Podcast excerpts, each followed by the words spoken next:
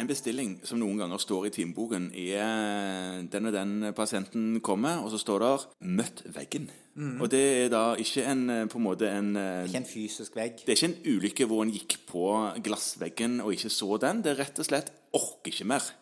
Klarer ikke å stå opp til jobben, kommer hjem og er helt pumpa, finner ikke glede i noen ting. Og nå er jeg bare utbrent, sier pasienten.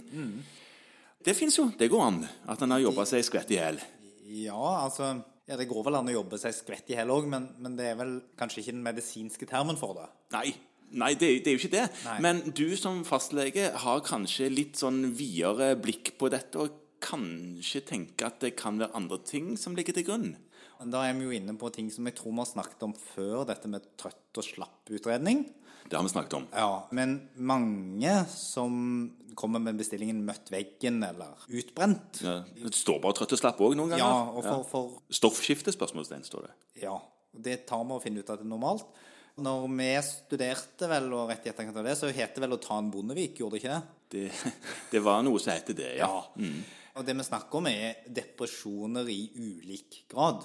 Nettopp. Ja, Depresjon er, er jo en sånn vanskelig ting, fordi det kan være egentlig det som kanskje i en allmennpraksis bør være litt forskjellige tilstander. Det er på en måte milde og moderate depresjoner, og så er det alvorlige depresjoner.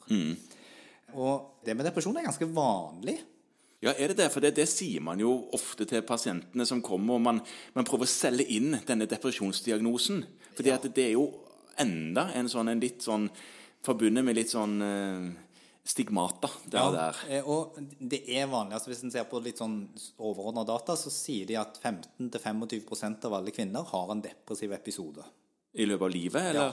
Ja. Livstidsprevalens. 15, altså én av fem, da, cirka. Ja. Ja. Eh, Og så er det litt sjeldnere for menn. Ja. Der er det 7-12% ja Én av ti, da. Ja. Det, det kan man diskutere mye rundt hvorfor det er sånn. Om det er fordi at diagnosekriteriene er litt sånn at det faller mer naturlig for kvinner å presentere de enn menn. Men det er i hvert fall omtrent der man er. Og så Ja. har man sett en mange som sier at det er så mye vanligere enn før, og det er det. Men det er først, okay, fremst, ja. ja. Men det er først og fremst de milde og moderate som øker. Ja. De dype, tunge depresjonene de holder seg mer konstant. Og der er det òg sånn at der diskuterer man litt om det kanskje har en litt mer sånn biologisk komponent. Ja, ja. Altså mer arv, og de har ofte tilbakevendende episoder. Med et snitt på en fire-fem tilbakevendende episoder, disse som har tyngre Ja. tilbakevendende depressive tilstander. Så dette er en, egentlig en litt annen, nesten en annen sykdom, det. Nesten. Det, nesten. Det går vel kanskje an å se det litt sånn, i hvert fall når vi skal følge det opp videre. Og kanskje òg særlig i forhold til prognose. Altså pasienter som har ordentlig dype depresjoner, og som har trengt tverrfaglig oppfølging over tid. Det, det må man kanskje være enda mer på å følge de opp i etterkant for å se at de ikke får tilbakefall, eller lage gode rutiner for å fange de opp om de skulle få det. Ja. Men de som er tungt deprimerte med en alvorlig depresjon, de kommer ikke og lurer på om de har møtt veggen. Så det er ikke de egentlig jeg har lyst til å utrede nå. Jeg har lyst til å snakke litt mer om de milde moderate. Ja. Og, og det første du må gjøre da sånn utredningsmessig, det er jo å sørge for at det ikke er noe annet enn depresjon. Ja, nettopp. Ja. Altså, ta en blodprøvepakke. Nå har vi snakket om pakker, vi liker jo egentlig ikke pakkegreiene, men du tar utgangspunkt i en pakke og tar vekk det du ikke vil ha, og legger på det du vil ha. Undersøker for noen relevante diagnoser som stoffskifte eller anemi eller andre ting. Altså, det er klart at det er veldig dumt å behandle en depresjon og så finne ut at pasienten har hjernemangelanemi. Ja, altså, da har du gjort veldig mye unødvendig. Ja. Det må man på en måte utrede. så Man må utelukke de somatiske tilstandene som kan gi depresjonssymptomer. Og det er jo sånn eh, som også kan gi eh, symptomer. Altså, da listes det gjerne kreft, eh, Ja. alvorlige infeksjoner, endokrine sykdommer, altså stoffskifte, diabetes, anemi. For eldre så kan det jo være en litt kraftig infeksjon som ikke gir andre symptomer i det hele tatt. Ikke sant? Cøliaki kan gi det. Ja. Og så er det andre psykiske lidelser. Og så kan, kan noen ganger kan det rett og slett være rusmisbruk, der de ikke forteller om det. Ja, Men Det er jo ikke alle som er så stolte av det. Depressive symptomer i relasjon til det. Mm Og det kan være bivirkninger av medisiner. Ja. Du kan ha gitt et eller annet psykoaktivt stoff uten å tenke så mye på det for et eller annet annet, og så får de depresjonssymptomer. Så det, det er viktig å passe på at det ikke er noe sånn.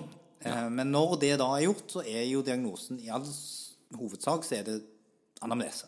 Ja, og da på en måte familieanamnese òg er vel viktig her. Ja, det er òg viktig. Men så er det å spørre etter symptomer. Ja. Eh, og da anbefales det at man bruker et litt systematisk spørreskjema. ja, da har vel veldig mange brukt ofte Madres Madres. ja. Vet du hva det står for?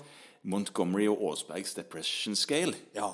Noe i den retningen, iallfall. Det er liksom måten å bli huska i medisinen på. Det er å finne opp et skjema og sette navnet sitt på det. Ja. ja. Og, og det kan man godt bruke, og det gir en score. Eh, Det finnes også andre skjemaer, men Madres er nok det som er mest kjent i Norge. Og da, da får du en score mellom 0 og 60 poeng. Er det, det er best å ha lavest mulig? Ja, Ja. altså fra 0 til 6 poeng, da er du ikke deprimert. 0 til 6. Ja. Og så er det liksom oppover derfra, da, i sånne intervaller på omtrent 6. OK. Ja, til Altså lett deprimert er fra 12 til 22. Moderat er fra 23 og oppover, og alvorlig fra 30 og oppover. Ja, men Du sa 0 til 6 var ingenting, men egentlig sånn 0 til 12 veldig lite.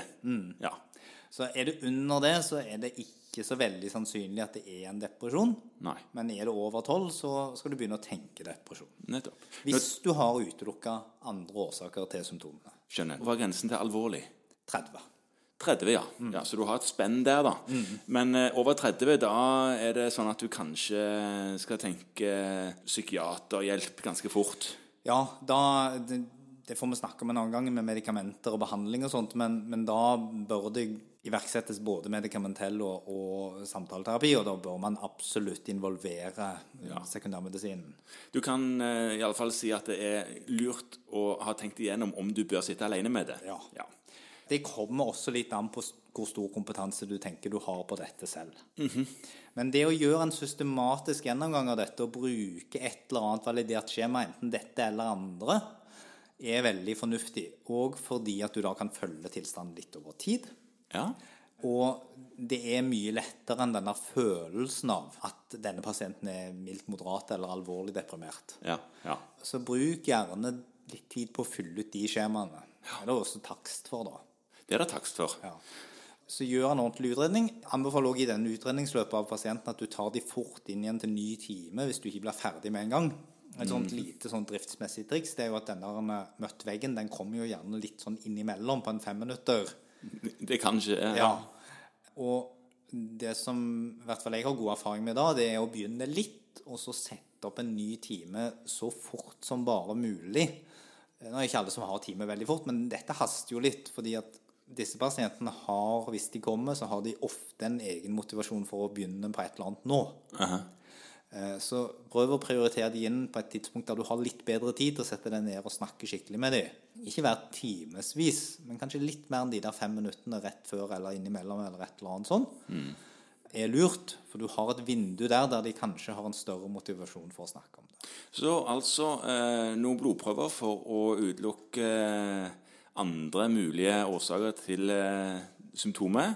Anamnese med familieanamnese og noe validerte spørreskjema. Andre ting. Rusanamnese. Rusanamnese, og så ta de inn igjen til en ny samtale. For det, den akutte problemstillingen for en som har møtt veggen, er kanskje den sykemeldingen de bare må ha. Ja.